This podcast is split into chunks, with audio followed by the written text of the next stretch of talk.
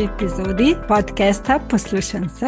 Z vami Polona, specialna pedagoginja s 15-letnimi izkušnjami. Za vse tiste, ki ste z mano prvič, Poslušam se je vzgojno-izobraževalni podcast, kjer večinoma gostim strokovnjakinje z področja vzgoje in izobraževanja. Vsebine pa povezujem tudi z osebnostno rastjo. Če so vam pogovori všeč, vljudno vabljeni, da jih všečkate, lajkate tam, kjer jih poslušate na tistih platformah. Zelo vesela sem tudi vašega odziva. Če pogovor delite, me prosim tudi označite. Da se vam lahko zahvalim. Tokratni epizodi sem gostila strokovnjakinjo Mojco Košič. Mislim, da večini ki me spremljate, mi ni potrebno predstavljati. Za vse, ki jo pa mogoče res še ne poznate, pa mojca je mama, pedagoginja, avtorica odlične knjige Montessori za starše, ustanoviteljica Gnezda, to je Center za naravno otroštvo in starševstvo. Zelo zauzeto raziskuje naravne pristope k vzgoji in razvoju otrok. Tako kot boste slišali v pogovoru, svoje znanje stalno nadgrajuje in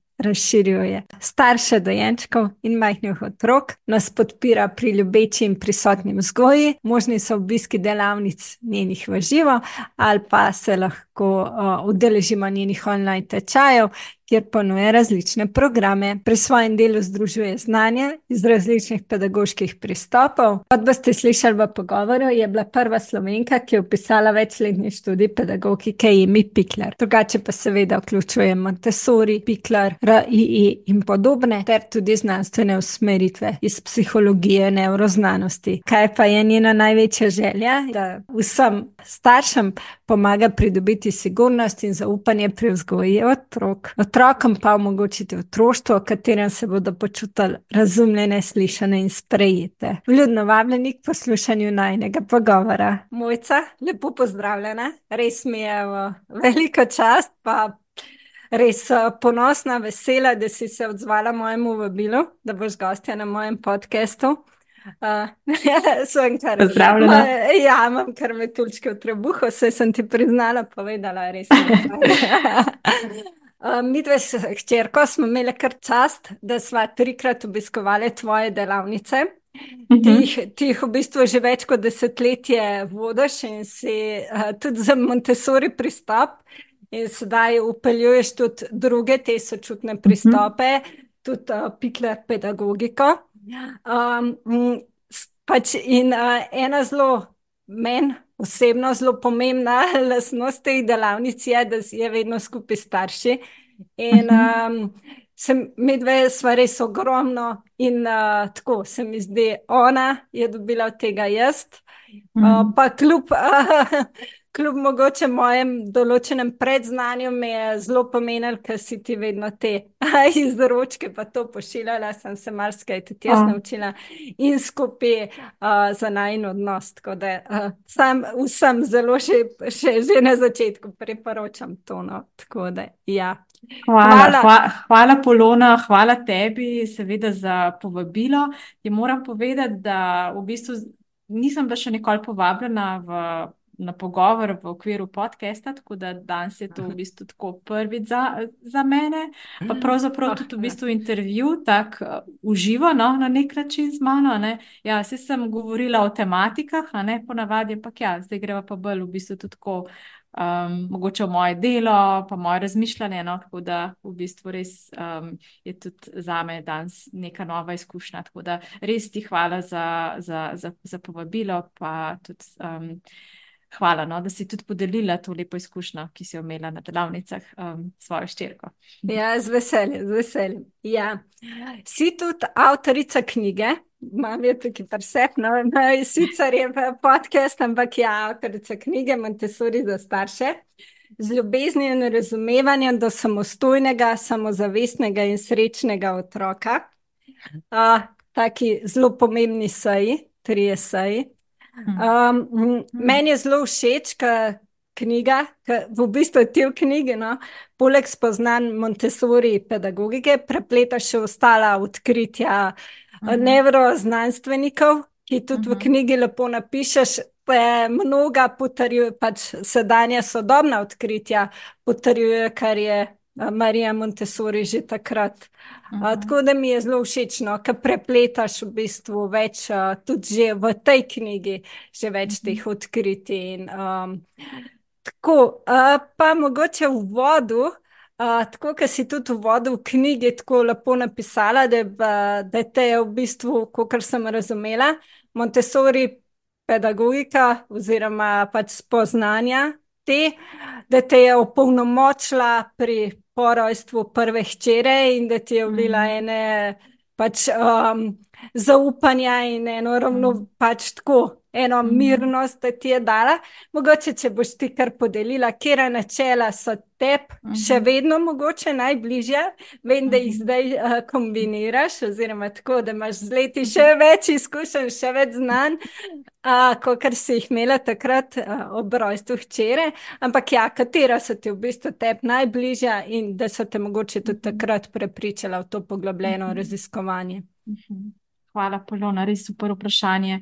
Uh, mi je všeč, no, ker si me vprašala, uh, ker je ravno to, tega, ker res takrat se je pri meni začela v bistvu tako malce večja sprememba. Ne, seveda, že s tem, ko sem postala mama, a ne prvič mama, že s tem doživiš eno tako.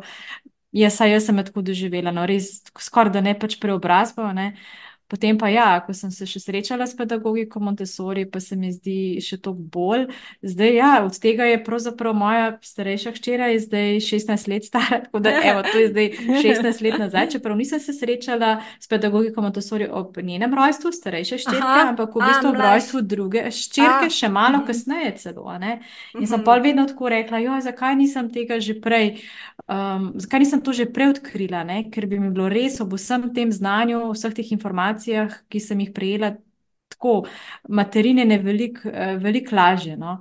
Um, zdaj, kaj, kaj je bilo tisto? Ne? Jaz sem pravzaprav um, prvič, eh, eno eh, knjigo, prvič, ko sem prejela v roke knjigo od Marije Montessori, um, je bila Skrivnost otroštva.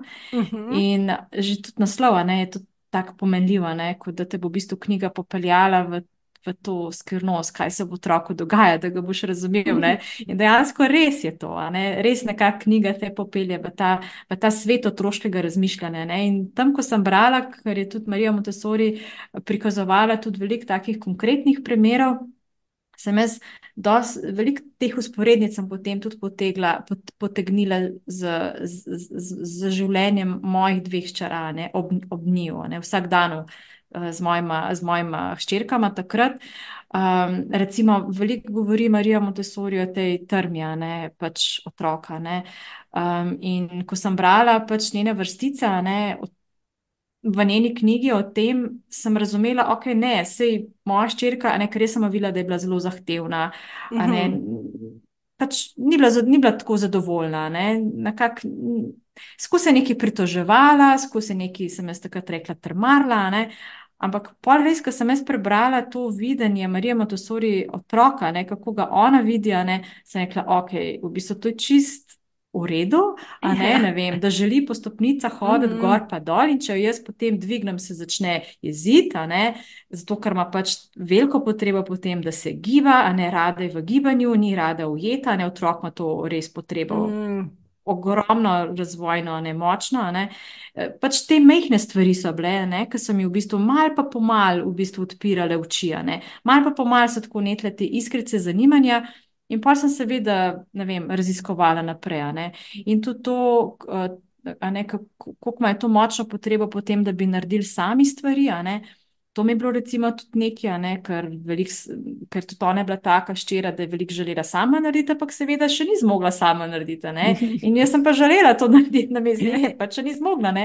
Ampak seveda takrat nisem razumela tega, da je to proces, da se on, ona mora pač to naučiti, ne, da pač mora do tega priti, da enkrat bo pač to, to znala. Ne. In če se me takrat pri tem ustavila, pri teh poskusih, poskusih, je seveda padla ven, ne, imela čustveni izbruh, ne bi zdaj rekla, ne, da trmarje. Ne. Um, in tako, in veliko je bilo tega joka in pritoževanja čez dan.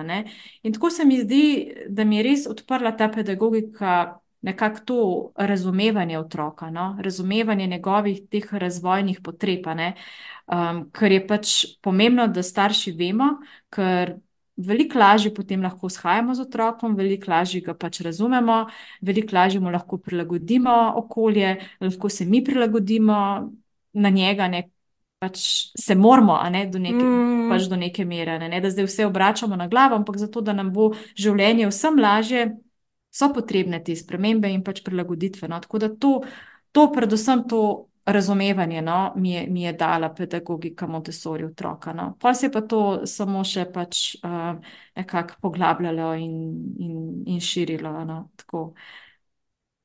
Uh, ja, zelo dobro si to opisala in mogoče pa res tudi kakšna poimenovanja. Saj meni se zdi, da je tako, kar si lepo opisala, ne se ti zdi, se ti je v narekovajih zdela trmasta, pa to res pa drugače to tudi mm -hmm. poimenuješ, drugače doživljaš, kaj enkrat bolj razumeš, tako razvoj. Otroka. Ja, ja, vsekakor. Zdaj sem se spomnila, no, še to, um, ko so se prej še mečkom pogovarjali, preden so začeli ja. snemati pogovor, če se lahko navežemo. Recimo, tudi to se mi je zdelo tako fascinantno. Um, ko je govorila ne, Marija Montessori v tej knjigi, pa pa še tudi v kasnejši z naslovom Srkajoči um, kako imajo v bistvu otroci um, drugačen um od našega, ne, v bistvu drugače deluje. Ne, te mehanizmi, ki se v njem odvijajo, jih mi več nimamo. Ne, se pravi, vse, kar otrok doživlja okrog sebe. Vse vtise v bistvu nalaga v sebe, ne, nezavedno, ne, nekje so te spomini shranjeni, ne, mm. in potem pač pridejo ven. To v, in to vpliva v bistvu tudi na odraslo življenje, potem, na vse njegov nadaljni potek um, življenja in, in razvoja. Ne? In to se mi zdi tudi pomembno no, z tega vidika, da. Ni vseeno, kako pristopamo do otroka, kako ga vzgajamo, kako smo z otrokom, ne, da je to res ena taka pač, um, velika odgovornost, no, ne, da ki terja od nas, da se pač na starševstvo pripravimo, da se določene stvari tudi naučimo. Da ni dovolj, da otroka samo rodimo, kar je seveda mm -hmm. veliko, in ga spravimo na svet, ampak um, ga moramo v bistvu tudi um, nekako pripraviti ne? na, to, na to življenje in mu omogočiti, da se čim bolj razvije v tej, v tej smeri, ki je pač njemu, njemu namenjena. No? Mm. Um, pa da je mogoče včasih tako na, pač, uh, v procesu, da mogoče res to dopolnjujemo tudi svoje znanje. Mogoče ne samo tako, kot si tudi mesec v knjigi lepo napisala, a ne, ne na način, mogoče, ki smo bili mi vzgajeni, oziroma pa sej. Takrat so tudi pač starši vedno vzgajamo najbolj, kar znamo, ampak tako mogoče zdaj so res tudi novejše ne, spoznanja, znanja, velik stvari, drugače tudi odkritja v možganjih so. Veliko naprednejša, kot so bila takrat, veliko vemo več in v spominu. In tako in je, imamo več, tudi po svoje večjo odgovornost, po mojem, no, da res, ja. pa več možnosti da, da se naučimo, kot so imeli včasih. No. Ja, res je. Res je. Ja, to, to si zelo lepo povzela. Se se veš, že pozna v teh. Um, 16 letih, odkar sem jaz, recimo, uh mhm. -huh. prvič postala mama, ne pa ko še zdaj spremljam te vsebine za vzgojno tematiko, uh -huh. koliko se je v bistvu res spremenilo, koliko več informacij, koliko več znanja je v bistvu staršem dostopno, ne? kot naprimer samo 16 let nazaj. nazaj. Ja. Da, zdaj, zdaj se v bistvu do znanja da priti, do informacij tako, se da, tako. Se da priti. No? Vse ostalo je pa potem samo izbira. tako. Ja, uh, verjetno. Um, Um, prej si zelo povedala, tako, kako si pri svojih dveh uh, hčerah videla, da sta bile malčici.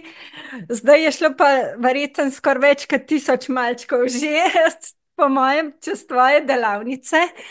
Um, ja, res je ta številka nekaj blizu. Ja. Verjetno, ne. Um, Me zanima, mogoče, kakšne so tvoje ta glavne spoznanja o malčkih, verjetno si, mm. se bo že kaj prekrival sprej, ampak mm. mogoče tako, da imaš res tako veliko mm. številko, pač mm. uh, tako relevantno. Ja, uh, meni je to obdobje malčka, no, ko sem tako v družbi malčkov na delavnicah. Um, Vem, me, meni je to res en tak dragocen čas, meni je tako lepo v njihovi družbi. Um, sploh zdaj, seveda, imam rada svoje hčerki, najrajši pač na svetu, ne? ampak najstištvo malčki. Uh, to je tako različno, čeprav po eni strani so seveda podobnosti, ampak. Um, Res, to je tako en tak, meni je tako, meni je tako kot ena meditacija, no, ko sem z njimi. Seveda so, so tudi starši, a ne prisotna, um, so tudi starši prisotni na delavnicah, ne, ampak um, sem dost v interakciji, uh -huh. uh, ne, največ sem v interakciji pač uh, z malčki, ne, in, In, in oni me tako nekako vržejo ne, v ta trenutek um, zdaj, ne, da ne razmišljam mm. nič za naprej, pa ne za nazaj, ampak da sem samo tukaj. Se pravi, ta prisotnost v trenutku se mi zdi, da je za njih tako značilna. In, in tista radost po raziskovanju, po igri, vem, po življenju, ta, res, ta, ta, ta življenjska kreativna energija, ki se mi zdi, da je tako res na vrhuncu, mislim tono, če, če z ja. tega bolj mhm. stališča začnem. No. Drugače pa seveda. Um, So, kot sem omenila, že mogoče prej, prhščerke, to potreba po gibanju ima izredno močno. Ne? Pa ne mislim to samo pri grobi motoriki, ne? po gibanju tega celega telesa, ampak tudi to, da, da uporabljajo svoje roke. Skozi morajo nekaj prijemati, pa raziskovati, ne, ne morajo biti parmirane. Um, in pri tem, seveda, potrebujejo svobodo, ne? da lahko, se pravi, svoboda je tudi tista, ki jo, ki jo potrebujejo za to raziskovanje, za to igro, hkrati pa seveda. Uh, tudi meje, ne, tudi omejitve, ne, ker včasih si pedagogika Montessori, mogoče včasih uh, si lahko kdo napačno razlaga, ne, ker damo otrokom toliko svobode, ne, v okoljih Montessori imajo veliko svobode, ampak seveda so, se to si tudi doživela na delavnicah ščirko, ne, so seveda tudi meje, so omejitve, ne, in to rabijo, oboje rabijo, ne. Mm. In potrebujejo red, um, ne, zaradi predvidljivosti, zaradi občutka varnosti. Um, kar se mi pa zdi, recimo, uh, pomembno, no, tako tudi izpostaviti, pa se mi zdi, da bi staršem to tudi um, mogoče to spoznanje, no, ko sem ga jaz potem tudi, um, tudi preko piklar pedagogike nekako mogoče še bolj usmislila, je pa to, da malčki naredijo stvari oziroma se premaknejo naprej v razvoju takrat, ko so res razvojno pripravljeni in v bistvu nič prej. Čeprav mogoče si mi želimo, da bi nekaj že prej naredili, ne vem, si bolj sami čevlje ali pa da prisal z barvicami ali pa da bi že narisali tistega sončka, ki jim že toliko časa rišemo, ne? ali pa da bi kocke sestavili ali ne vem, bili brez plenice. Um, tako, on bo, takrat, on bo otrok, otrok bo v bistvu to naredil, ko se bo čutil sposoben, da to zmore, ko bo res uh, imel ta interes po učenju teh določenih spretnosti in da bo to izhajalo tudi iz njega, iz njegove notranjosti. Ne? ne iz tiste neke zunanje pobude, zunanje mm. motivacije, ne? neke naše želje. Da bi bilo dobro, da bi pa to zdaj, seveda, otroku moramo dati priložnosti, mm -hmm. moramo dati možnosti, ampak um, otrok je pa tisti, ki mora narediti tukaj levi delež. Um, in se mi zdi, da pač. Da imamo tukaj še kaj za narediti, no, nekako mm -hmm. na nek mhm. način, na, na potrpežljivosti. Seveda pa mor, je pa tukaj pomembno, ne, da spremljamo mhm. otrokov razvoj. Da če bi karkoli, um, ne, če imamo kakršen koli občutek, da nekaj pa ne gre v to pravo smer, ne, da seveda je pa takrat prav, da se pač obrnemo, ne vem, seveda najprej na pediatra ali na kogarkoli, ki mislimo, da, da bi nam lahko pač um, uh, pomagal. No. Pomagam. Tako, no, v bistvu sem hotel bolj to nekako um, osvetliti, no, da nismo tako obremenjeni s temi meniki, uh mhm. -huh. pa z neko splošno težnjo potem ne, da bi hitreje otrok se razvijal. Se pravi, ker hitrost ni vedno bolje. Se mi zdi, da je tista kvaliteta v razvoju veliko boljša, ne, kot pa pač hitrost. No. Um, Zdaj sem večkrat zašla. No, ne, ne, ne. Hvala sem samo reči, vidiš, sam to, da, da, da bodo naredili stvari, ko bodo razvojno pripravljeni. No, jih, da jih ne moramo ničesar ni prisiliti. No, tako. Tako. In da moramo zaupati temu in mi biti v bistvu tudi trpežljivi. Tako, tako. Mogoče, da ne bi če bi konkretno primer, da ne bi prehitevali, da čim prej piše ali čim prej nekaj pobarva do roba ali ja. nekaj. Pač, ja. Ja, ko bo otrok razvojno, ga bojo tudi te dejavnosti, saj tudi po mojih opažanjih, veliko bolj pritegnile, kot kar je pa ja. prav, ja, da ponudimo in opazujemo, kdaj je tisto. To, to, to, to opazujemo in vemo, kdaj je tista, tista priložnost bi lahko prišla. To pa pomeni tudi hkrati da je fino, da pa nekaj otrokovem razvoju vemo, ne, da približno mm. vemo, kako pač poteka. No. To se mi zdi, da lahko naredimo starši. Um, ne, potem pa lahko tudi opaziš pač neka um, odstopanja ne, mm. v, v bistvu od, um, od razvoja. Um, ja, po drugi strani ne, uh, pa so ma, malčki v bistvu mrsičesa tudi sposobni. Ampak uh, so zelo kompetentni, ja. ampak velikrat pa pač nimajo tudi priložnosti, da bi mi to videli. Uh mhm. -huh. Ker veliko stvari naredimo na mesto njih, ne, čeprav recimo že kakšno stvar zmorejo. Včasih se ne, naprimer, tudi jezijo, ker jim mi ne, ne želimo nečesa pustiti, da bi naredili sami. Um, ja, dobro, se je verjetno bomo še o tem, kaj spregovorila, no? da ne bom še tle razpravljala. Ja, ne, ne, se je, um, mi je super tako. Ja, se strinjam. Mislim, ko včasih je res. Uh, Tudi eh, starši se mi zdi, da imamo res velikrat tako, ali se nam mudi, ali nekaj, in si res mogoče ne vzamemo toliko časa, kar pa to za, pač zahteva. Po drugi mhm. strani se mi pa zdi, pač jaz priznam, da si je hčerka pač začela obuvati nogavice. In jaz sem pač, ker sem videla, da jo to frustrira, mi, se mi zdaj pa zelo pomembno, da, da, da pač si jih sama poskuša obuvati. Uh, sem pač šla prav pač par metrov stran, da, da se nisem pač počutila, pač, da se nisem prehiter, o ti bom pomagala, da vdala tej izkušnjavi ali kako naj rečem. Uh, In ja, se mi zdaj ja. to zelo pomembno, in sem pa opazovala, mm -hmm. kaj bo. Eno si je obula, eno je pa pol pač mm. prosila, oziroma nekako pokazala, da pač ne, mm. ne gre. Mm. In sem bila ok, in sem pač zaunila ta druga, prva je pa nekako iratala. Ne? Mm -hmm. uh, pa da takrat je pač res dost majhna. Ne? Ampak mm. tako, ja, to tudi, da, da pač eh, včasih nam je tudi nam, pač meni osebno, no, izhajam iz sebe se mi zdi tudi po opaženih drugih, da nam je težko iz tega frust, pač frustracije, če je otroku težko. Ja, ja. Um, Kako si dober ta, ta primer v bistvu dala, ne? res. Pa to, da si, da si rekla, tudi, da si se malo maknila. Sem se, to se mi zdi tudi fajn.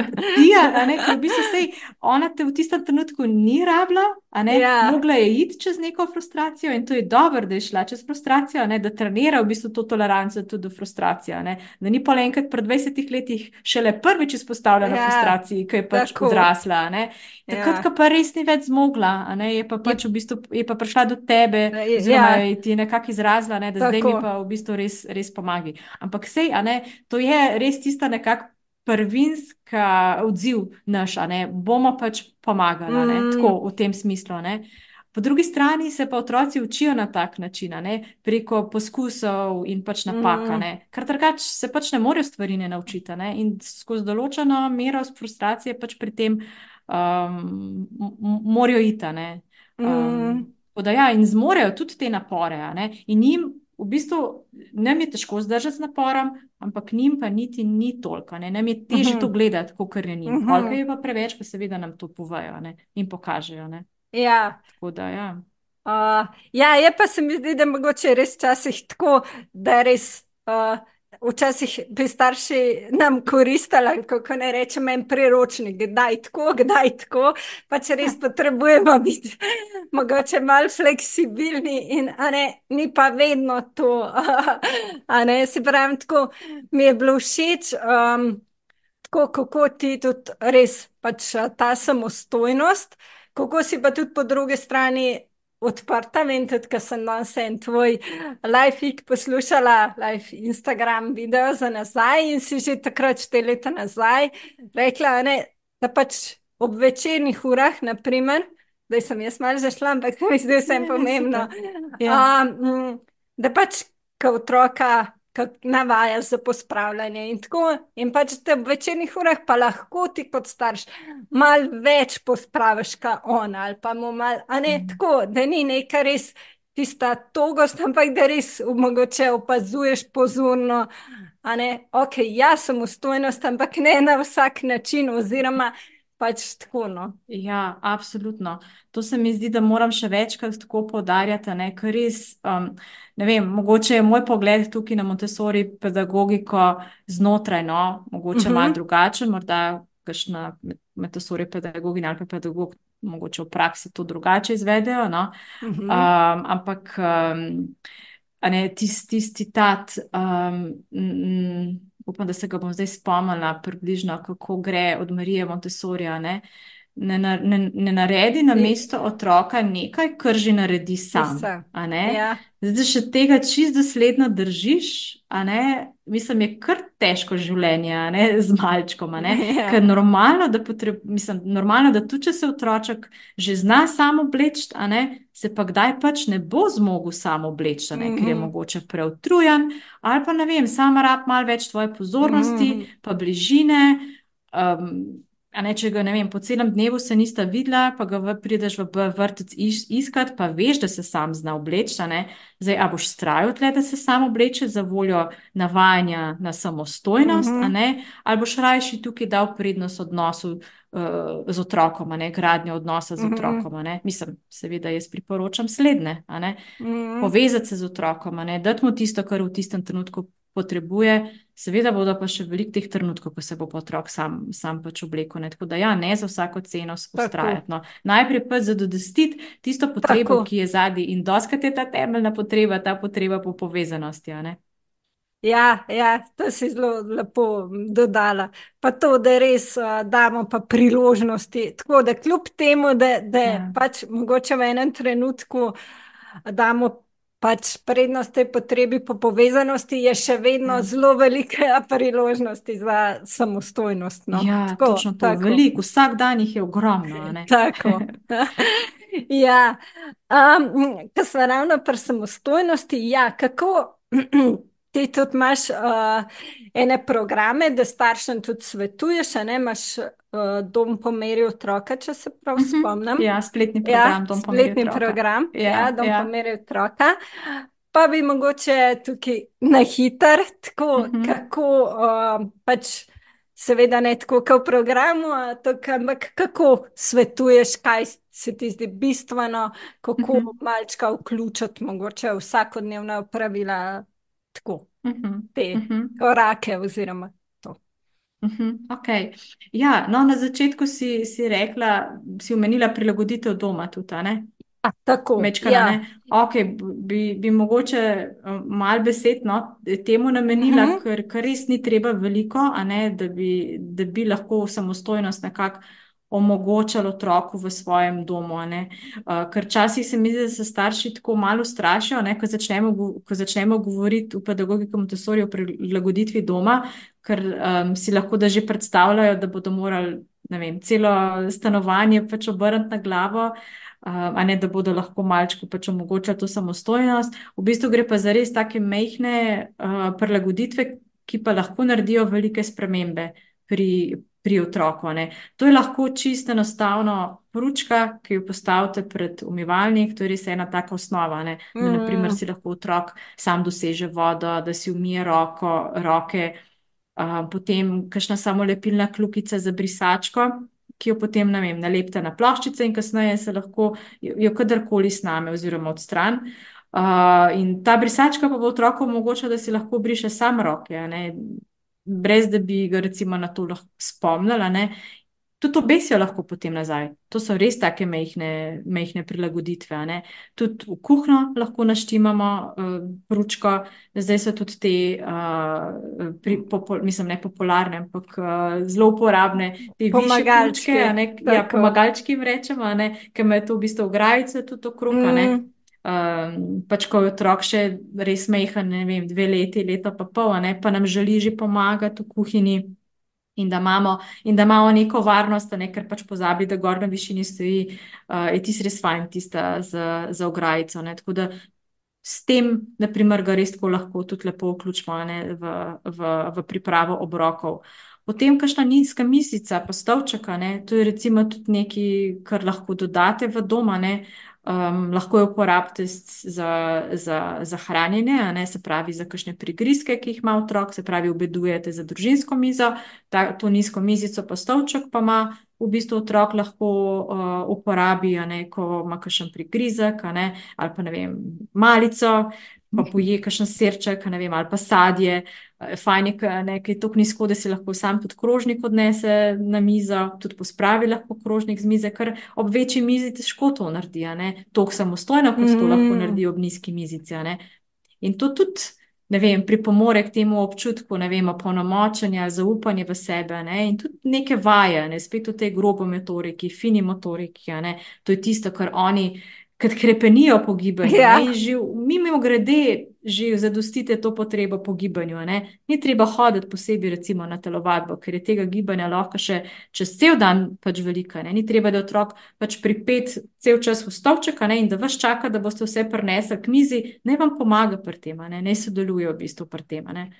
Tako da to je sigurno nizka mizica, postavček nekaj, kar bi priporočila. Kasneje se pa seveda lahko uporabi tudi vem, za ustvarjanje, ne za to, da si otrok odnese na mizo tudi kakšno stvarjanje. Za marsikaj je lahko potem tudi uporabljeno. Pa te nizke poličke, v tem smislu, da so tako visoke, da mhm. lahko otrok doseže stvari na njih, uh, kamor lahko postavimo njegove igrače. Uh, Um, ali pa tiste stvari, ki želimo, da jih doseže, če so to mogoče oblačila, a ne da so nekje na njegovi višini, mogoče ne cel sortiman njegovih oblačil, ampak dva, tri kompletka, ne da si jih lahko sam, sam. vzame zjutraj, ne ko se odpravljate v vrtec ali pa ne vem, ne v vrtec, kamorkoli, ne ko se odpravljate, mm -hmm. ko je čas za obleč, pa si lahko otrok sam zbere. Se pravi, to, da otroku na nek način, z vsemi temi stvarmi, na nek način otroku omogočimo dostop ne, do nečesa. Ne. ne vem, s klukico in s pručko in z regali in, in z mizico. Ne. Se pravi, ta naš velik svet, ne, ki je za njega svet velikanov, v bistvu približamo. Ne. Um, nekako v tem smislu. No. Pa se mi zdi, ne vem, se ti zdi, da so to velike prilagoditve. Niso, ne? to so ne. res tako mehke, ker lahko čisto vsak. Um, ne vem, z mali iznajdljivosti, pa ne glede na to, ali je to veliko stanovanje ali je to mehko stanovanje. Včasih rečejo starši, mi imamo tako mehko stanovanje, nimamo možnosti, ne, da bi kaj naredili, pa ne rabiš sploh, ne, da te principe upeleš noter, sploh ne rabiš. Um, Velika ne. Lahko uporabiš tisto, kar imaš, no, pa malo prilagodiš, recimo, to se, to se v bistvu da. Ne. Ja, tako kot si rekla, no, mi imamo 50 kvadratov, kar ni veliko, oziroma ja, ne vem, no. pač srednje, kar koli, no, pač ja. relativno za koga. Ampak ja, pač pomagalček je nekaj res, sicer bo zdaj že malo za njega prevelika, ampak mhm. za, ker imamo pult kuhinjski višji, pa še Aha. vedno prav pride. Ja, Aha, okay. Sploh tako prpeki palačinka ali pa česa tazga. Pa pručka se mi zdi res, ni, res ja. ni draga, pa pač kar pomagalček pač v kopalnici ni glih praktičen. Ja. A, se mi zdi res pručka taka, da zložljiva, pa hiter, tudi sama posprav, pa tako. Ja. Jo, pač prej, mislim, tako. A, pa to, kar že tako, kar prideš v tvoj prostor, v gnezdo. Ker imaš te delavnice in je takoj vse na višini, pač te. Uh mhm. -huh. To sem pa takoj, prej sploh ne vem, ampak takrat smo pa takoj, oh, se res zabunda, obest mora biti na njeni višini in vem, tiste kljubce so res relativno, ja. pač se mi zdi, ugodne in tako ja, naprej. Res, ja. uh, ja. da je res razlika, ali si otrok sam lahko obest, da ve, ki ima obešen. Tako, je, ne, je rekla, razlika, ja, ne, tako, ja. je razlika, da ima. Pač ja. oblačilo red, oziroma svoj prostor. Um, uh -huh, uh -huh. Super, in da ga ja. sama doseže. No? Ja, ja, ja. No, se, se to je, da lahko sama doseže, ne? in da tudi ne samo, da je to pomaga pri samostojnem oblačenju, mm. ampak tudi, da stvari pa zmore pospraviti na svoje mesto. Ne? Če bi imela ona to kljukico visoko, ona to ne zmore sama narediti, mm. ne bi mogla ti narediti, predtem pa verjetno lahko to bundico odvrže na tla. Ker jo pač ne more nikakor ja. gledati. Je pa tako fajn, če otroka navadiš, da pač jo nekam obesi kar radi to posnemajo, takrat nas, no, zdaj se bom pa dotaknila, kar si prej rekla, uh -huh. pa mhm. vsak dan je upravila, nisem pozabila, kar si mi rekla. Ne, recimo, a ne, koliko je fajn, da jih lahko v bistvu vklju, vključimo v to. Ne. Ja, in ena stvar je seveda tudi. Um, Ne vem, posprav, po, pač pospravljanje, ne? seveda, to, kar otroci zmorejo, ampak uh, v tem obdobju malčka, uh, ne vem, pred dveh letih tako želijo sodelovati, da bi bilo tako škoda jih ne v to vključiti. Ne? In seveda tudi pri pr, pr tem, da jih vključimo ne, v ta vsakdanje pravila, je pa pomemben tudi, da nekoliko prilagodimo domu tem, kar sem prej govorila. Ne samo za voljo samostojnosti, ne? ampak tudi zaradi tega, da jih lahko bolj vključimo pač v naše življenje, no? v to, kar doma. uh, pač, uh, pač počnemo. Ne? In ja, se mi zdi, da s tem potem tudi gradimo ne, nekako otrokov občutek, um, pol kasneje v življenju, ne, da se stvari ne naredijo kar čudežno same, mm -hmm. ne, ampak da, da smo to mi skupaj naredili, ne, da je to mama naredila, da je to oče naredil, da sem tudi jaz nekaj naredila. Ne. In ko otrok s tem raste, ne, recimo ti povem za primer, jaz ko imam zdaj najstnici, um, nič ne navadnega, da jaz njima rečem, pač, da določene stvari opravita doma. Ne. Seveda uh, je normalno, da se kot najstnici temu upirata, a ne vse, a ne? ampak se lahko prej naredita, ko pojamrata yeah. Ja. in tako naprej. Ne, ne naredita, v mami bom jaz to naredila, ni tega veselja, kot pred dveh leti. Ja. Ampak pač je pa to zavedanje, je pa to zavedanje, da pač smo doma vsi tisti, ki skrbimo mm. pač za ta dom, seveda jih moram še kdaj pa kdaj tudi še na to, na to spomniti. Ampak um, se mi zdi, da je to tudi naložba no? potem za prihodnost. Mm. In vzeti to na začetku, ko otroka vključujemo v ta pravila. Vse tudi skozi igro, ne? Ne, ne bodo to, to že resne zadožitve, zdaj pa to pač moš narediti. Mm. Včasih mm. bo otrok to naredil, včasih pa ne bo. Fino je, ja. da ima pripeta na ta pravila v tem zgodnem obdobju res dobra čustva, prijetna čustva, mm -hmm. ne? ne mhm. tista čustva jeze, pa frustracija, pa nekega teženja. Ne? Ki mi mama je to težila, ker to je potem samo kontra tega. Se otroku mm. to tako zameri, da. pa mislim, ni potem dobra naložba to za mm. prihodnost. No? Pa mm. to, da skupaj delate. To se mi zdi, zadnjič, včeraj me je na delavnicah ravno ena mama vprašala, ne, kako se tega lotiti v bistvu doma. Uh, nisem imela dolg časa, da bi govorila, na, je bila jih ravno na odhodu, no, ampak kar sem ji rekla, um, eno stvar, ki sem ji rekla, je to, ne vem, pržgite eno fajn glasbo, ki jo vsem všeč, pojte zraven, plešte zraven, pa pospravljite zraven. To je v bistvu tisti recept, da se bo krma šolskega otroka zdaj tudi, ne pa malčicama, ne mhm. kako tega šolskega otroka, ne predvsem motivirati. Ne, da s tem, ne pa da skupaj naredite, ne da otrok sam nekaj dela, ne, ampak da res. Skupaj pospravljate. No, to, to se mi zdi, recimo, pač, uh, pomembno. Um, tako da ena stvar, ne, zakaj otroka vključiti v to, je, je seveda ta interes, ne, to, kar sem rekla. Mhm.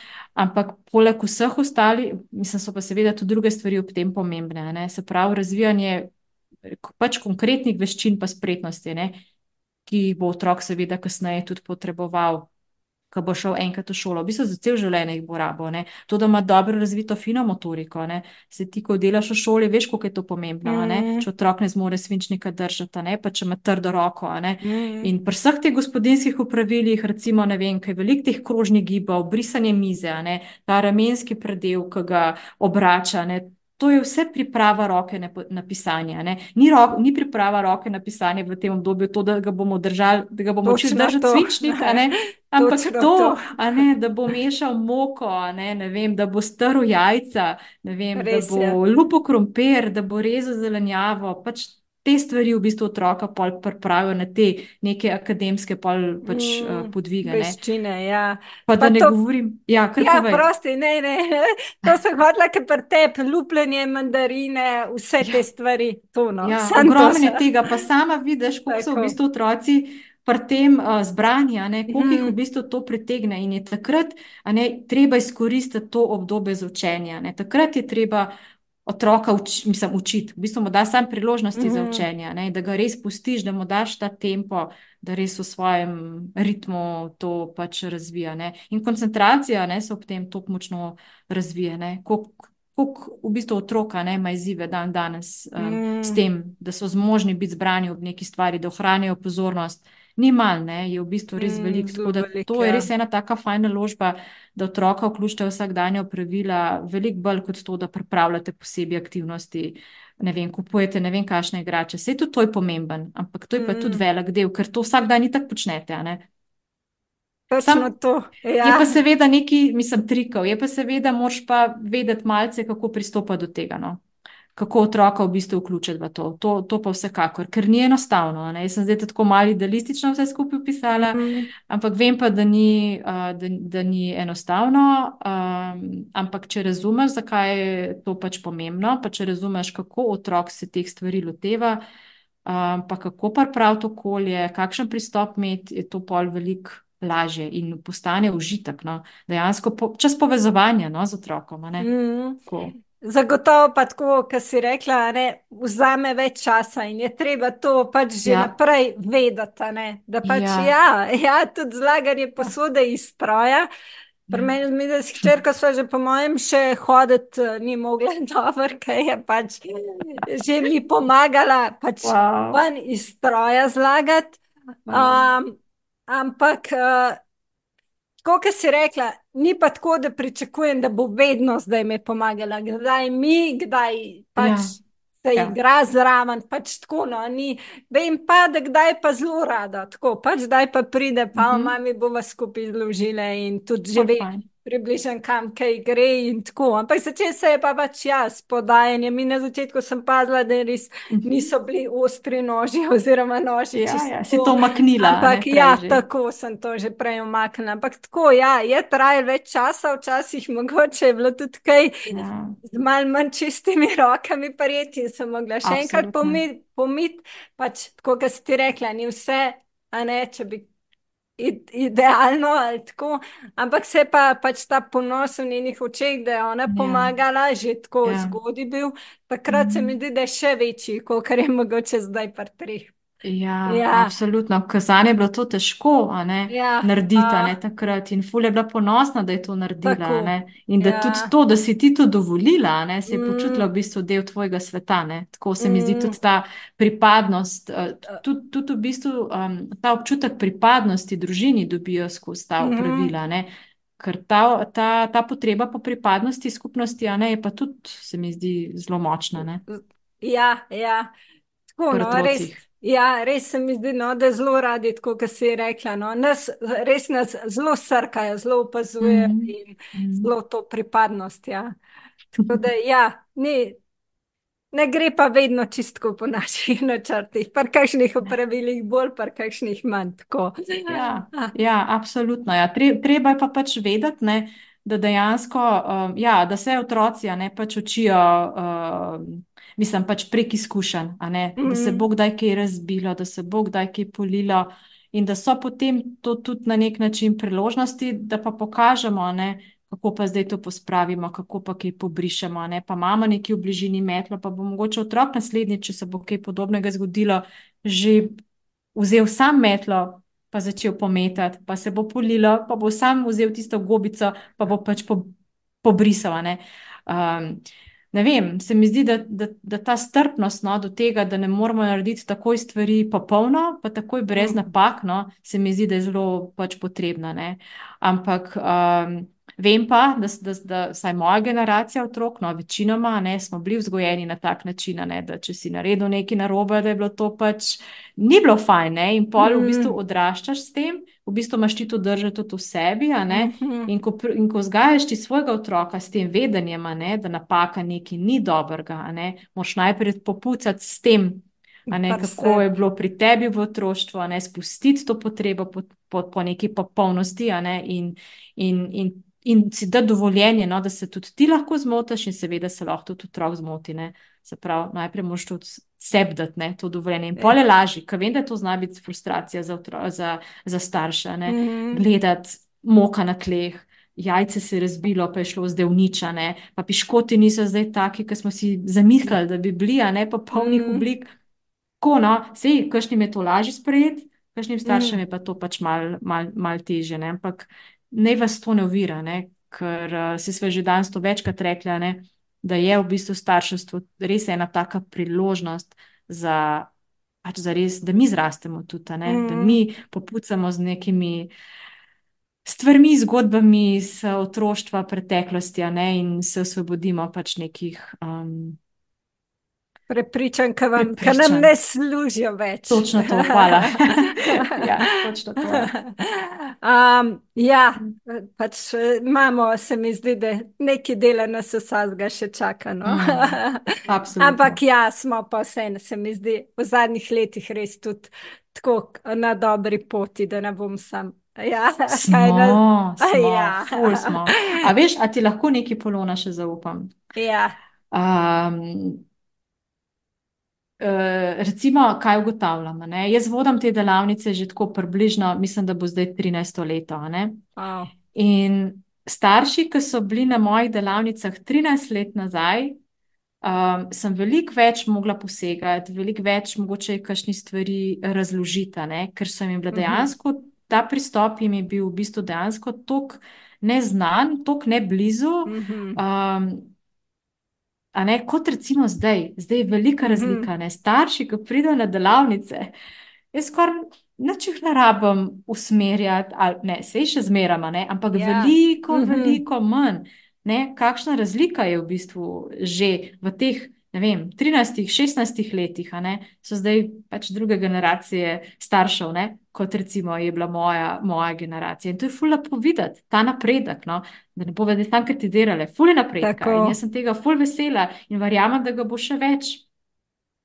Pa ja. tudi, eh, mislim, da si enkrat, da sem zasledila, da je tudi veliko več moških, se pravi očetov, Ja. prisotnih na tvojih Ja, delavnicah, kot je ja, bilo na začetku. ja.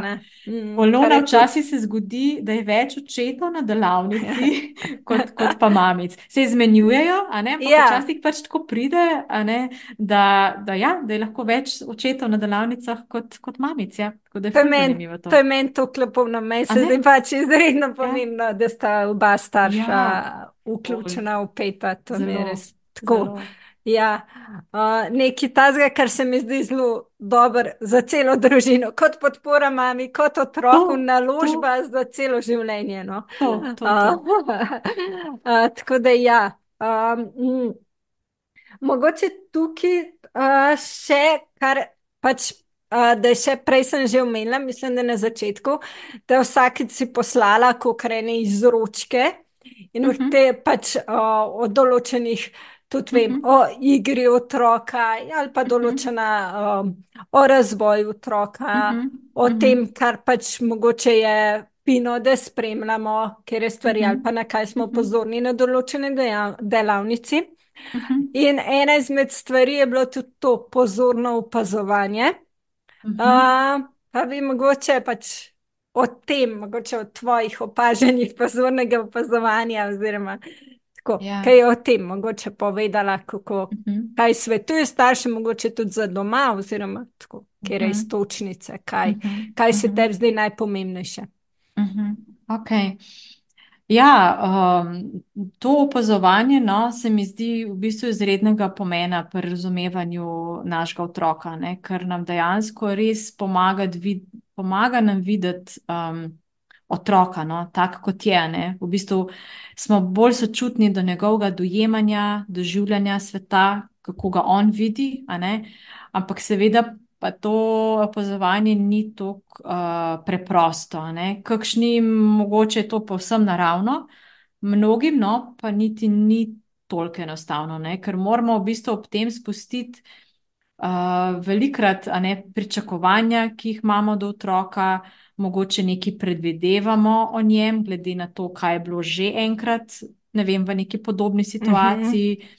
Um, velikrat tudi, ne vem, ocenjujemo sodmo otroka, ne, in to je fino pri opazovanju v bistvu spustiti, ne, kada res, ne vem, gledamo otroka povsem neobremenjeno, čeprav je to ful težko, ampak imajo pa starši lahko to izkušnjo na, de- na delavnicah, in je lažje to mogoče na delavnicah narediti, to ne, je res. in pol to Mhm. izkušnjo potem prenesti mogoče v domače okolje.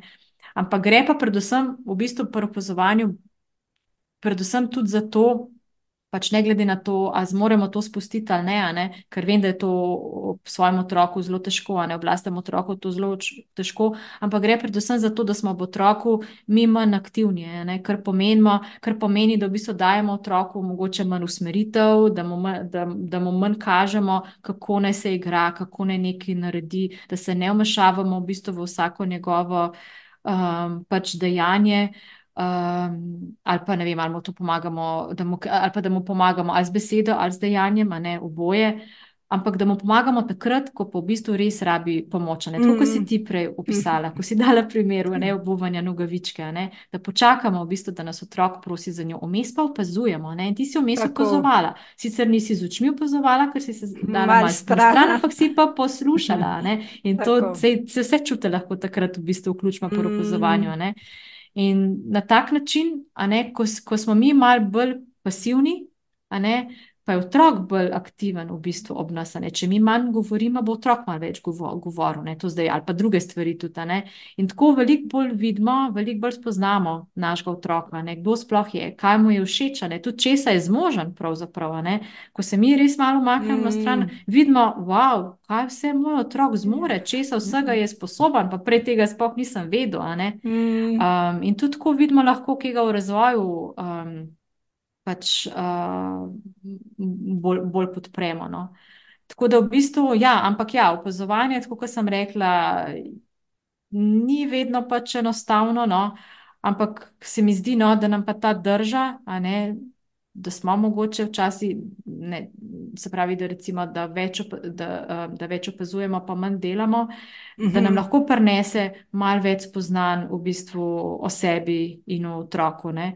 In ja, je pa pomembno, da se takrat tudi, da smo v nekem umirjenem stanju, tudi, ne, vedno ne moramo biti, absolutno, da ne. a ne. Mhm. Ampak takrat, ko smo, ko zmoremo, ne, smo, smo, v bistvu tudi bolj povezani s sabo, ker, se, ker je fajn, da smo tudi na nek način v, prisotni v tistem Mhm. trenutku. a Ne, se pravi, to prisotno opazovanje. In ko imamo to povezavo s seboj, se lahko veliko lažje potem pol, tudi z otrokom povežemo. Ne.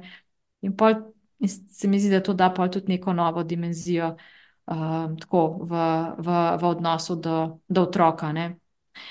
Ja, pa, pa tako, imamo tudi odrasli, a ne, eno tako malo veliko potrebo po tem, da smo skozi dejavni, a ne, Ja, to okrog otroka, ne. Tako. Mislim, tako, ne samo to, da, da mu želimo pomagati, ampak tako, če nič ne delamo, ne, se nam pa zdi, če nič ne naredimo v otroku, se nam pa zdi, da nič ne naredimo, ne, kot da smo, ne vem, nesposobni ali pa leni, ali pa moramo nekaj narediti, moramo nekaj narediti. Ne. Ampak koliko je v bistvu to veliko, da se lahko usedemo kdaj, ne, Mhm. um, da smo prisotni, da res so naše oči usmerjene v otroka um, in da res lahko samo gledamo, samo opazujemo, kaj, kaj dela. Ne.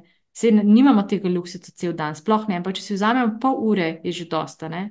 Ampak to je ene vrste opazovanja, a veš, ne da se Mhm. usedemo, ni treba, da je opazovanje samo to, da se zdaj usedemo pa opazujemo. ne. Mi opazujemo lahko otroka tudi, ko smo aktivni z njima, ne? ali pa ko, ko, Mhm. pač ko, ko, ne vem, naprimer, ko ne vem, pripravljamo skupaj obed, ko otrok nekaj dela, jaz nekaj delam. Ne? Tudi takrat smo lahko v tej poziciji bolj uh, pač opazovalca. Ne? Tako da, ja, to je taka, taka drža, no? malo bolj. Um, Orodje, no, bom bolj rekla, no, starševsko opazovanje, ki veliko lepega no, prinese družini. Pa se mi zdi, da kar potrebujemo biti pozorni na to opazovanje. No, saj tako, da je lahko hitro nas zanese, oziroma tako no, po svojih izkušnjah, da kar res včasih se rabiš. Sej, a ne, lahko, res, lahko je res samo opazujem, ali med igro, ali tako, kot si rekla, kako pripravlja stvari. Tako. Mhm. Ja, uh, res, uh, tudi se mi zdi, da ti res večkrat podariš, no, ni treba otroka animirati ali pa tako, no, da, Ja. da res otrok se sam uh, Ja, večino časa, sej Ja. so tudi kakšne aktivnosti za spodbujanje, pa mogoče tudi kasneje pol, mhm, uh, ja. da ne bo narobe pač Ja, ja, ja, uh, absolutno. vzeto, ampak Absolutno. uh, ja, pa tudi jaz tudi, kadar pripravim, ni tako, da ne, ampak tudi pri teh aktivnostih lahko opazujem, da tudi vidimo, to sem pa še čist prezgodaj pripravila, to je pa ni v tem razvojnem Ja, obdobju, evo, vidiš, a ne. to, to, Tudi to je ena povratna informacija. Še ne Absolutno. vem, včeraj ko je na te kosmatene žičke, pač eh, one, um, te perlice, sem bila, Mhm. o, zdaj je pa res to, ker pač sem videla njen žar v očeh, ona sama in full čas, mislim, full časa, pač zato Veliko. stara, tako velik časa je pri tem zdržala, ker mogoče še par Mhm. mesecev nazaj nič, če sem ji isto ponudila, ne, Mhm, recimo. mhm, mhm. In že pri teh stvarih pač se mi zdi, da Mhm. leh raz, lahko opazujemo, kako ali Mhm. pa tako. No. Ni pa res, toskrat se pa res bi rekla, tukaj sama, uh, ne vem, te servete in servete pokriva punčke in gor dol in tako.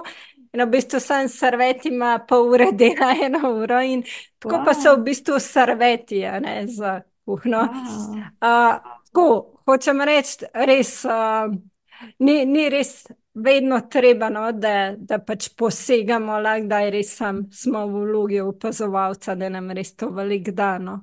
Res, res, res. Ja. Sej, veš, moram ti, moram ti reči, da, da tudi, um, a ne jaz, ki facilitiram te delavnice, a ne sem se tudi jaz pred leti, zdaj niti ne toliko, ne čutim več takega nelagodja, ne? ampak um, predvsem recimo um, na delavnicah za dojenčke, ker tam je mhm. v bistvu tega opazovanja uh, prisotnega še veliko, veliko več. Mhm. Se pravi, tam res starši, um, ključno z mano, ne, res sedimo nekje ob steni, ne, otroci so pa v bistvu na sredini, ne, dojenčki uh -huh. so pa v bistvu na sredini in mlajši malčke. Ne, in dejansko res opazujemo ne, in gledamo, kaj počnemo, vedno z nekim fokusom, ne, vedno se na nekaj usmerimo, uh -huh. kaj, kaj, kot si prej rekla, ker sem uh -huh. iz ročke pošiljala, ne, vedno se na nek vidik uh -huh. otrokovega razvoja pač. Um, usmerimo. Ne? In eh, no, rekel, menila sem nelagodje. Ne? Nelagodje v bistvu v, v, v tem, ok, zdaj so starši prišli na te delavnice, uh -huh. zdaj bomo pa sam sedeli, pa v bistvu samo pozvali. S tem sem se obadala. Ne? Kaj se ti starši mislijo? To so plačali za te delavnice, jaz pa tle sedim z njimi in opazujem. In nič ne delam, se pravi, tista potreba, da moram zdaj nekaj narediti. Ne? Ampak Jaz delam ogromen. Ja, se je to. Jaz mislim, držim dela. prostor, da se zgodi mm. ta čarovnija. In to mm. je včasih bolj zahtevno, ne, kot pa nekaj razlagati, pa govoriti, mm. pa iti ven iz sebe, pa mm. ne, narediti neko predstavo in tako naprej. Ko sem se s tem pomirila, um, ne, da je ok to, ne, se mi zdi, da tudi lažje potem vzpostavim ta prostor, no, zato da se, da se to opozovanje tudi um, ta. Um, ta čarovnija, no, ali vzdušje no, tega opazovanja v bistvu lažje prenese tudi, uh, tudi na starše. No. In večkrat pol tako pri teh delavnicah do dojenčke, no, mi mamice poročajo, kako je bilo v bistvu to za njih uh, močna izkušnja, ne, da so res videli, da samo so lahko in da tudi otrok je lahko samo, samo je. Ja, to, ja. v bistvu, Sej, to je ne mogoče narediti v celem dnevu, ne? tudi ni za pričakovati, da bi bilo. Ne? Ampak če je to ena ura v dnevu je to ful velik, kar da tebi in da v bistvu tudi um, otroku. No. Ja, kot si rekla, ogromno, ne, daš s tem. Pa mm. mogoče zdaj, zdaj še ozaveščaš o tem, tako da je super, res. ja. Uh, ja, fino. Uh, mogoče še, še prej mislim, da si omenila malo napačne, um, tudi jaz mm -hmm. sama priznam, da tudi, kar sem brala, pa ne samo tvojo knjigo, ampak tudi kakšno mhm. drugo. O mhm. Montessori pristopu sem imela mogoče malo drugačno predstavo, kako to v praksi izgleda. No? Wow, tako, -huh, okay. Se mi zdi, da pa sem šla na tvoje delavnice, pa vidiš res tako bolj. Uh, Nekako sproščen, no? tako vse. Ni, mm. Mogoče sem si bolj tako predstavljala. In mogoče, verjetno imajo tudi kakšni drugi starši, si predstavljam, kakšne napačne predstave o pedagogiki Montessori, oziroma na splošno. Mm -hmm. uh, se te, mislim, mogoče si se že pač kako. Mm -hmm. Se tebi zdi, ali pa kje pač napačne predstave se tebi zdijo, če so, kje se ti zdijo pogoste. Ja, um, razmišljam. No? Jaz imam tako sicer občutek, ampak to je samo moj občutek, lahko da me pač mhm. vara. Ne? Ampak zdaj pedagogika Montessori v Sloveniji je nekaj let že prisotna. Um, in se mi zdi, da se je v tem času razširilo nekaj informacij. Znan, mogoče takih uh -huh. malo bolj točnih, a ne o tem, kaj pedagogika uh -huh. Montessori je, da mogoče teh napačnih pričanj ni, ni več, več uh -huh. toliko, bi Super. rekla, no? ampak še zmeraj pa so. Ne, mhm. ne vem. Um, zdaj, vem, da me je zadnjič ena mamica sprašvala no, par stvari, ki se je ravno zdaj bolj srečevala s pedagogiko Montessorija.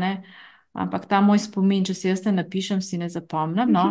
Ampak pogosto se pa recimo še zmeraj pojavi vprašanje o, um, o, o, bistvu o tem, da, da, ni, da ni nekega, uh, mislim, socializacije, no? ne kako da Aha, to ja, ja. v bistvu manjka ne, uh, v, v, v teh okoljih Montesorja, ne bolj v teh institucionalnih okoljih uh mhm. -huh. Montesorja, kot recimo vrtec, šola. Ne vem, konc koncev tudi moje, delav, uh -huh. moje delavnice, ne, ki je malo bolj strukturirana pač, um, oblika. Ne. Se pravi, v tem smislu, da je preveč usmerjeno v individualno delo mhm. otroka uh -huh. ne, in potem so skrbi, da da je premalo uh, poskrbljeno za druženje oziroma vem, socializacijo otrok. No. Mhm. Zdaj, vsak si po svoje, seveda, to socializacijo, mm -hmm. ne pojem socializacije predstavlja, tako da ponavadi niti najprej ne vprašam, kaj mislijo, pa to bolj začnem polet odgovarjati, ampak bi bilo bolj smiselno vprašati, kaj si, da ima mal, sam majhen, povejte najprej, kaj si pod to ne predstavljate. Ne.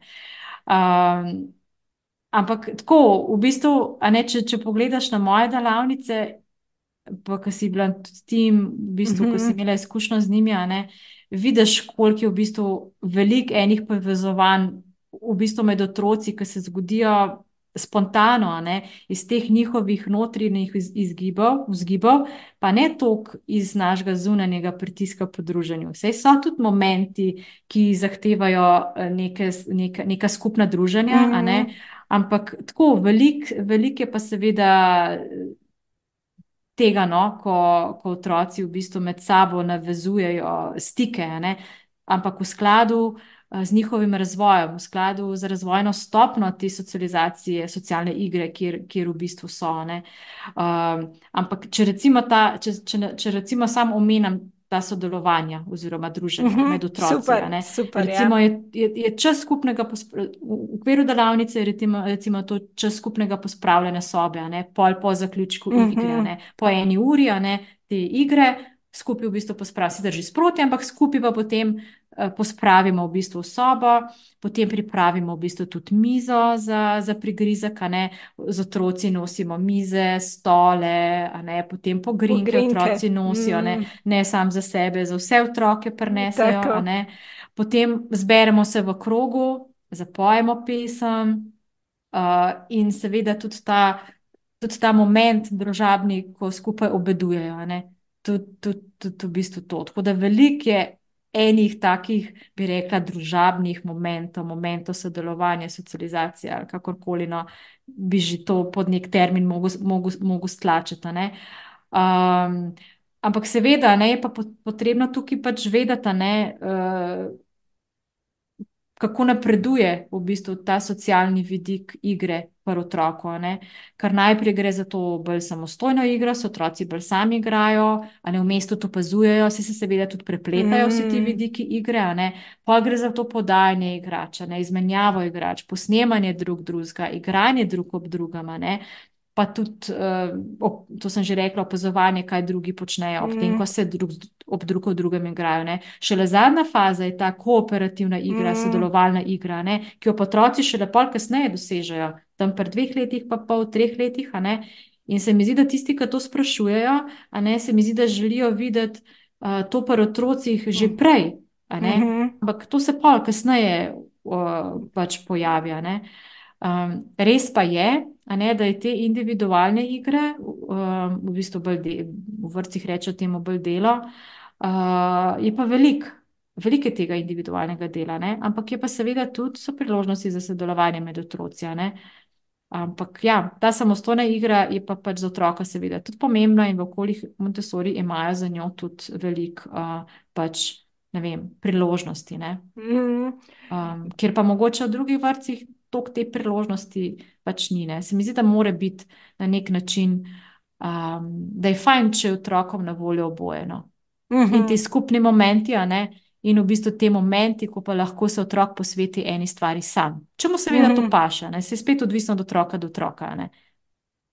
Ja, meni se je zdelo tako na tvoji delavnici, no, se mi je zdelo tudi zelo fino, ker je um, tako, enkrat si prav lepo rekla, so se prav kar razvili ker pač ne vem, mislim, da smo takrat hodili ali šest ali osem tednov uh mhm. -huh. in so bile res uh, skoraj večinoma eni in isti, smo bili starši in otroci. Mhm. In um, je bilo res tako, ke pač na njihov način, na dve, oziroma od ena pa pol do recimo dve pa pol, mislim, da so bili takrat večinoma. Ja, ja. da na njihovi starostni stopni prijateljstva, oziroma tako, no, je povezanost. Uh, in da se je na koncu res že prav poznal, tudi vem, pri hčerki je sama večkrat, brez Ja. zunanjih spodbud, rekla ime fantka iz skupine. No, in, Ja, uh, ja. ja, tako tist. Uh, Ja. Pač, ja, na njihov bilo na- način socializacije. Ja, ali na njihov to način, a veš. tako, Ampak ja. se rabijo spet, kot smo spet pri tem, rabijo priložnosti. Itak je to v Mhm. njih, a ne. Mm, In razvijajo te stike, razvijajo te navezave. Ne? Sej, a ne lahko tudi povežemo to um, z odnosi med nami, a ne odraslimi. A ne? Tudi mi rabimo čas, a ne? Da, da v bistvu razvijamo nek bolj prijateljski odnos z nekom. a Ne? ja, Pač od otrok pa pričakujemo, da so že na začetku bolj družabni, pa se, po- pa se skupaj igrajo. Vsi so res bolj odprti, no? to moram reči, kot mi bili kasneje. ne. Ampak pač vseeno, se mi zdi, da imamo od otrok včasih res previl, pre, prevelika pričakovanja. ne. Um, tako da ja. Ja, se strinjam, super. Um, tako da, ja, mislim, da pri tebi res uh, je oboje, no? je res zelo uravnoteženo, no? tako sem jaz. In to um, se mi zdi res zelo pomembno, kar res starše ozaveščaš, kako je igra, kako da res vidimo, ok, ja, to je na tej stopni in tako, super. Tako. Um, to je to. Mogoče tukaj. Um, Glede zadnje leta se mi zdi, da uh, veliko vključuješ tudi pikler, pedagogiko Mhm. od Eme Pikler in uh, da si tudi prva v Sloveniji, se mi zdi, a ne prva slovenka, ki se je, ki se v Mhm. bistvu je začela izobraževati na Pikler inštitutu v Budimpešti, a imam prav. Ja, ja, ja, A, Budimpešta, ja. mm, Mhm. Uh, tako da, ja, zadnja leta še to vključuješ. Uh, kakšne Mhm. se ti zdi, mislim, meni, da to, ki bi lahko veliko časa uh, pač namenili temu, Ja. ampak mogoče na hitro, kako se ti Mhm. pač, kako to dopolnjuješ, oziroma tako Mhm. mogoče, kako vidiš to kot dopolnilo. Uh, to. Ja. Um, ja, v bistvu se, se Montessori in Pikler se uh, lepo v bistvu dopolnjujeta, no, imata res več teh stičnih uh, točk, ampak imata pa tudi nekaj pomembnih razlik, predvsem v pogledu na otrokovo igro. No, tam so res razlike. In je bilo zanimivo, ker je bil seminar o avtonomni igri, pravzaprav prvi, katerega sem se udeležila na Piklerjevem Mhm. inštitutu, a ne. In se spomnim, da sem imela v bistvu tam, in da sem, da sem imela v bistvu po tem semina, seminarju, ne, v bistvu veliko dela s tem, da sem, ne, da sem integrirala v bistvu to na novo pridobljeno znanje v moje delavnice, ne, ker je, ker je bil dejansko skoraj diametralno nasprotno razumevanje igre. Ne bom, to sem zdaj mogoče malo pretiravala, ampak Aha. res je precej drugačno razumevanje Aha. otrokove igre. Ne? Ampak um, jaz sem nekako uspela to skupaj združiti, ne. Um, predvsem ne zaradi tega, da bi bilo pomembno ta dva pristopa združiti, ampak meni je bilo predvsem pomembno, da zadostim um, različne vidike igre, oziroma različne potrebe otrok Mhm. po igri, ne, razli, se Mhm. pravi, potrebe otrok po različnih vrstah igre. Tako bom rekla. a ne. Um, in, in mi je to zelo prav prišlo, ne poznavanje z vidika Montessori pedagogika igre in v bistvu z vidika pi, uh, Piklara. ne. Um, in um, ja, zdaj nimam več teh težav, no, kako zdaj v bistvu to skupaj zintegrirati, ne to dva nasprotujoča si pola. Um, se mi zdi, da je ful obogatilo, no, v bistvu. Um, moje razumevanje in na samih delavnicah, tako kako pripravim v bistvu okolje, in tudi kako staršem pravzaprav predstavim. Um, Mogoče kakšne igrače, dejavnosti, a ne kako pristopa do, otroko, do, do otrokove igre. a ne. Um, ja, no, če pa zdaj se bolj osredotočam na te stične točke, ki sem jih prej omenila, Mhm. je pa recimo opazovanje je tisto, ki je obema pedagogikama zelo, uh, zelo skupno, zelo blizu. To je v bistvu mm. en temelj, um, ki je obema pedagogikama skupen. Uh, recimo Marija Montessori je do pomembnih uh, odkritij spoznana otroku prišla ravno preko opazovanj, seveda tudi na podlagi vsega znanja, ki ga je imela, a ne preko študija. In obratno, tudi pri Emi Piklara, ne? ona je bila pediatrina, no, obe dve sta bili recimo zdravnice, zdravnici, s tem, da je bila Emi Piklar pač pediatrina in ortopedinja. Uh, in je v bistvu potem, uh, kasneje, ko je delala tudi z otroci, najprej kot pediatrija, in potem, kasneje, ko je imela to sirotišnico, je v bistvu to metodo opazovanja v bistvu tudi veliko vključevala v, v svoje delo. Ne? ne samo, da je pač odkrivala uh, kako poteka otrokov razvoj, ampak seveda tudi pri samem delu z mhm. otroci, neposredno pač za otroci. Uh, naprimer, na Piklarjevem inštitutu imajo posebej seminar samo o opazovanju in pet dni. Ne, v bistvu posluša samo o mhm. opazovanju. In tudi znotraj pedagogike, da študija pedagogike Montessori, je tudi velik podarek pač tudi na uh, opazovanju. Je treba narediti kar, ne vem, se zdi, da 200 ur opazovanj otrok ne, je tudi velik podarek na tem. Um, tako da, ja, opazovanje in uh, ta spoštljiv odnos do otroka. To je tudi tisto, mm -hmm. kar je zelo skupno obema pedagogikama. Všeč mi je, ker gre uh, pedagogika Pikler še bolj v globino tega, še bolj v neke -hmm. praktične vidike. Um, in se tle res zelo lepo v bistvu um, dopolnjujeta. Um, tako recimo pri negi otroka, kot pri komunikaciji z otrokom, nasplošno pa z odnosom do, do otroka. Uh, potem pa tudi to videnje, kako otroko razvoj tudi uh, pač poteka.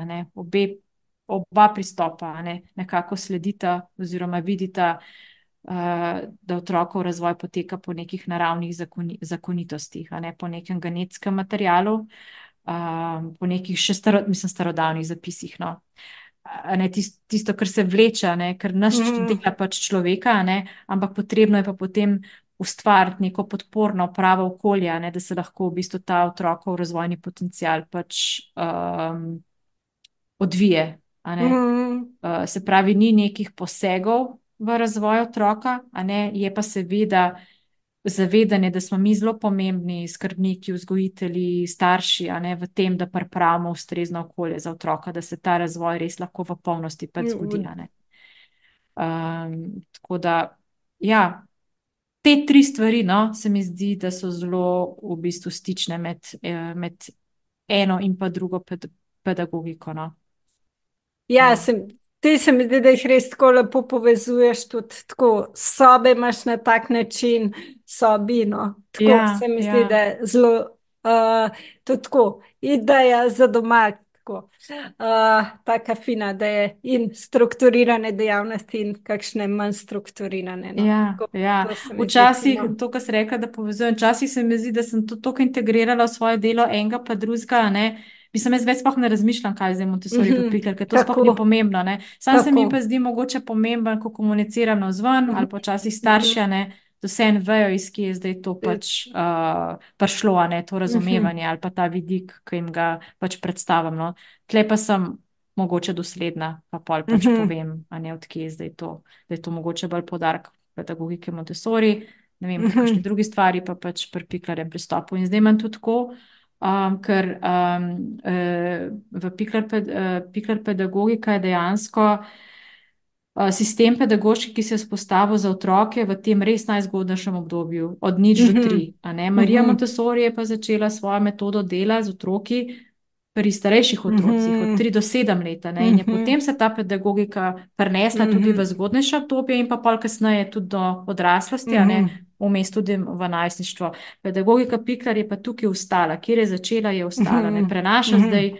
Um, V bistvu tega potem tudi na kasnejša leta, so se pa tukaj res zelo, zelo, zelo specializirali, imajo zelo, zelo, zelo poglobljena, v bistvu ne samo mhm. znanja, ampak pravzaprav tudi, um, tudi izkušnje. No. In se mi zdi tako dragoceno, no. karkoli se od njih naučim, um, mi je wow. Ker ja. veš, tega znanja sploh ni, da bi ga dobil na spletu ali pa ne vem, da bi šlo spletno predavanje poslušal. Moš iti tja, moš iti k njim, da to slišiš. Tudi knjig ni veliko, vse nekih je, uh -huh. zdaj jih je vedno več, kar je super. Uh, ampak glavni vir, no, recimo znanja, je pa, je pa tam, no, ki ga dobiš nekako iz prve roke. Pa zdaj mislim, da se tudi nekaj več slovenk, tudi po Ja. tvojem navdihu odloča Ja, za, res za je, to. kar je res super, no, ker si Mm. želim, da bi se ta pedagogika malce bolj razširila Mm. v našem prostoru.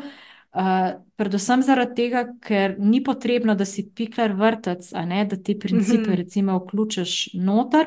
Naprimer, Mhm. princip spoštljive nege lahko vključi katerikoli vrtec, recimo Valdorski vrtec, ne, oni že vem, da že veliko časa vključujejo te elemente spoštljive nege po piklarju, ne, uh, v, v, v svoj pedagoški proces, a Mhm. ne. In to se da vključiti lepo v Montessori, da se vključiti v javne vrtce, ne. Mhm. Tako da se da to zelo lepo um, razširiti. Tako da, ja, jaz sem vesela, no, da, da, da Anja ja, je šla tudi tja se učiti k njim, pa zdaj tudi, um, zdaj tudi Teja. A, Uh, za na koncu mogoče povem še eno anekdoto, ki mi je bilo tako prav zanimivo, tega nam pozabila. Kakšne stvari pozabim, kakšne stvari mi tako videjo, ampak to mi pa po moje za celo življenje ostalo. Ko sem zaključila ta prvi seminar pri njih uh, na Budimpešti o, o Mhm. avtonomni igri, sem jaz potem prišla, pristopila do, do te vodje izobraževanja in sem jo prosila, če mi lahko, prosim, da kontakt uh, drugih slovenk, slovencev, ki so se udeležili seminarja, seminarjev njihovih, ker bi se zelo rada povezala z njimi, da bomo pač se malo povezali v Sloveniji. In mi je rekla, ja, veste, nobenega še ni bilo. Kako nobenega, ne? Jaz sem na to začudena, predvsem zato Polona, ker, ker eh, v, tej, v bistvu na vseh seminarjih pri njih pridejo ljudje iz Nove Zelandije, Mm. Avstralije, Kitajske, Brazilije, tako iz tako oddaljenih krajev, mi imamo pa tle skoraj pred nosom njihov inštitut, Madžarsko. pa nobenega Mhm. še ni bilo. Mislim, to mi je bilo tako meni nenavadno, a ne. Tako da evo, vse se to tudi zdaj počasi širi. Ja, super, super. Pa mislim, da si ti kar ta eh, prvi javni glas bila. Tako da ja, res hvala ti tudi za to. Uh, mogoče, kar si tudi sama omenila, da smo že bolj proti koncu, sva bili, mislim, da res kar izčrpni. Mogoče, kaj se tebi zdi, če smo še kaj izpustili, oziroma starše si že prej zelo pač pohvala. Uh, mogoče, kaj se ti pa zdi na katerem področju, pa misliš, da imamo starši še vedno ali največ, da bi ti rekla, pa ne tako iz. Pač, da bi ti rekla, ampak tako opažanje, kje imamo največ vprašanj, ali tako mogoče v tem smislu. To, Mhm. ali pa če bi karkoli v zvezi s temo, uh, današnjo, če bi še kaj dodala, tako kaj taska. Mhm, ok, razmišljam.